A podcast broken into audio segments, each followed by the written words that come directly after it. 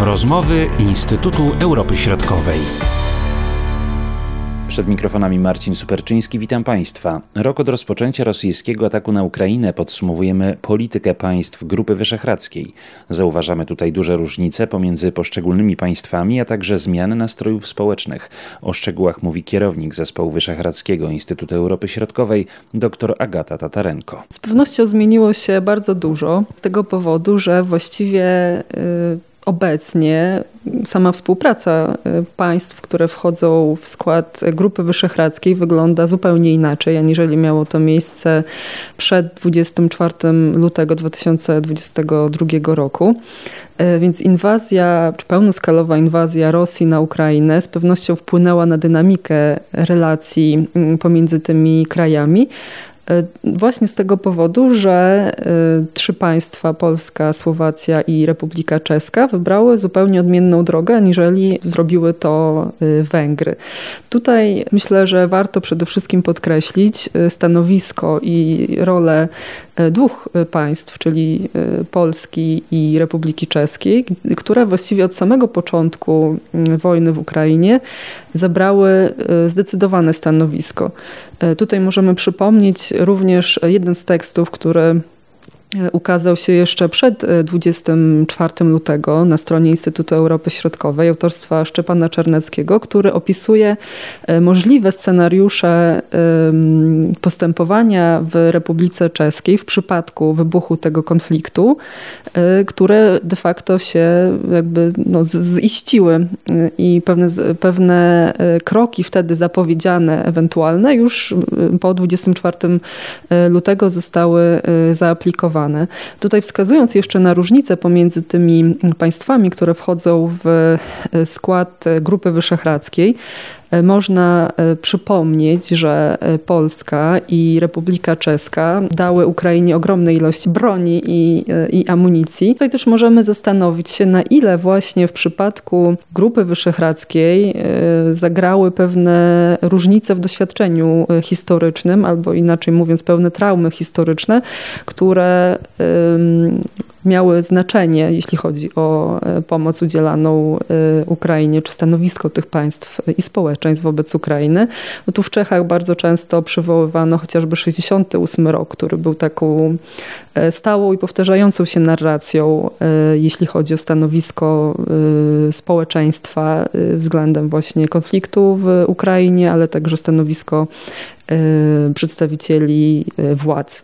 W przypadku Polski te doświadczenia y, rosyjsko-polskie też z pewnością mają znaczenie. Tutaj możemy zauważyć pewne zmiany, które następowały. Podejście do samej Rosji. Jak ewoluował, można powiedzieć, już były prezydent Czech Miloš Zeman. No i też widzimy jakby no tą konsekwencję dalszą tych szerokich, można powiedzieć, sił politycznych w Czechach, może z wyjątkami Andrzeja Babisza. Tutaj właśnie Republika Czeska jest bardzo interesującym przykładem. Po pierwsze z uwagi na toczącą się kampanię e, prezydencką e, w kontekście wojny i debat e, o bezpieczeństwie, gdzie ten temat właśnie wojny w Ukrainie i ewentualnego rozlewu konfliktu na inne kraje ciągle się przewijał.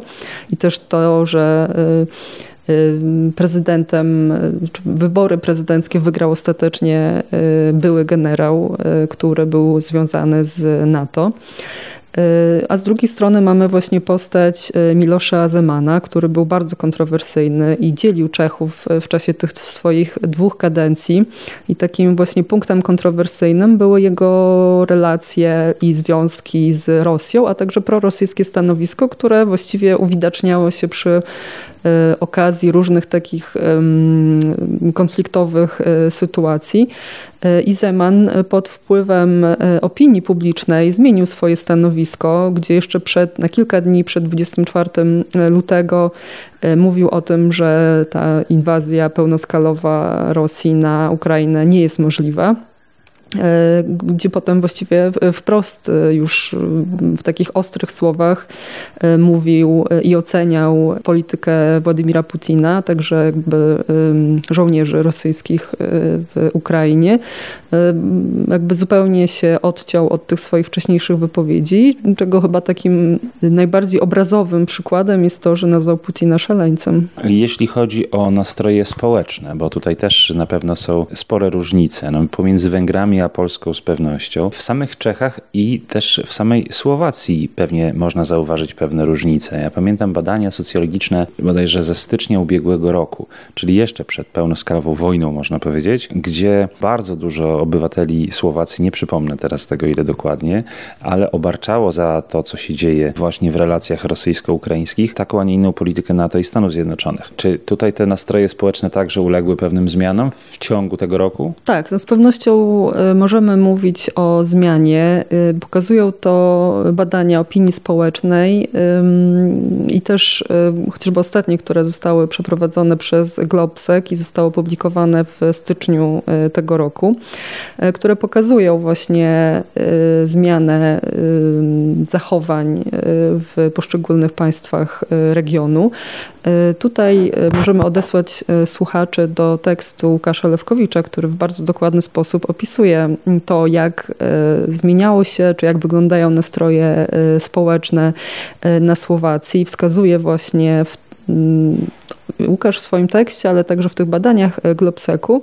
Z, z, tych badań Globseku wynika, że właśnie ze wszystkich państw Grupy Wyszehradzkiej to właśnie Słowacy mają mm, najmniej pozytywny e, obraz e, uchodźców we wszystkich, e, uchodźców z Ukrainy, ze wszystkich tych właśnie państw Grupy Wyszehradzkiej. Tutaj też, jeśli jesteśmy przy tym temacie, to warto e, po raz kolejny przywołać Republikę Czeską i to, że e, Czesi przyjęli bardzo dużą ilość uchodźców.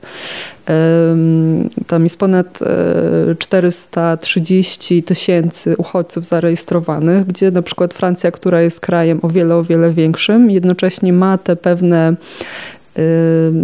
struktury i sposoby postępowania w przypadku uchodźców już wypracowane, to ma niespełna 200 y, tysięcy uchodźców, więc to pokazuje y, skalę, jaką, skalę problemu, z jakim Czesi musieli się tutaj zmierzyć. Tu na pewno zagrała też kwestia językowa, bliskość i to, że właśnie Polska i Republika Czeska E, przyjęły taką e, liczbę uchodźców. Natomiast warto dodać, że w przypadku właśnie e, Republiki Czeskiej wprowadzono specjalny pakiet ustaw, który jakby umożliwił pomoc władzom czeskim uchodźcom z Ukrainy. Tutaj jeszcze takim specjalnym krajem po raz kolejny będą Węgry, gdzie ten, jeśli jesteśmy przy tym obrazie społecznym uchodźców z Ukrainy, to warto wspomnieć i też Dominik Hej w jednym z naszych podcastów i komentarzy o tym mówi, E, że e, ten obraz wojny w Ukrainie na e, Węgrzech jest zupełnie inny niż w innych krajach regionu i nie tylko regionu, bo właściwie w całej Europie.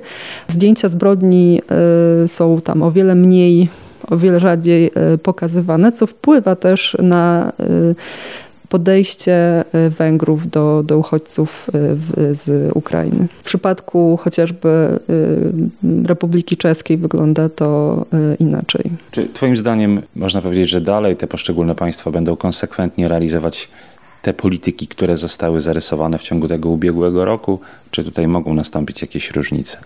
To jest bardzo ciekawe pytanie z tego powodu, że e, po części nie wiemy, jak dalej konflikt będzie przebiegał, więc to jest e, zawsze mm, pewna odpowiedź tak po części.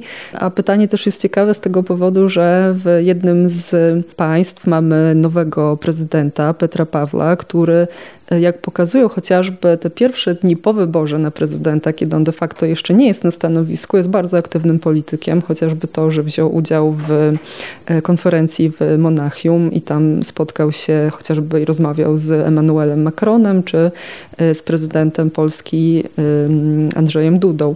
E, więc możemy spodziewać się zmiany w Republice Czeskiej pod tym kątem, że jednak Miloš Zeman z uwagi na swój wiek, z uwagi na choroby, z uwagi na to, że odchodził już ze stanowiska, nie był aż tak zaangażowany politycznie, więc tu na pewno w przypadku Republiki Czeskiej będziemy mogli zaobserwować zmianę. No pytaniem otwartym jest sytuacja na Słowacji, to jak się potoczą losy. Natomiast w przypadku Słowacji, no to z pewnością stanowisko prezydent Zuzanny Czaputowej pozostanie niezmienione i ona właściwie od początku konfliktu w Ukrainie wyrażała takie bardzo proukraińskie poparcie, więc to się nie zmieni, nie ulegnie zmianie. W przypadku Węgier podejrzewam, że będzie kontynuacja dotychczas obranej polityki władz i premiera Wiktora Orbana. Mówiła doktora Gata Tatarenko, Marcin Superczyński. Do usłyszenia.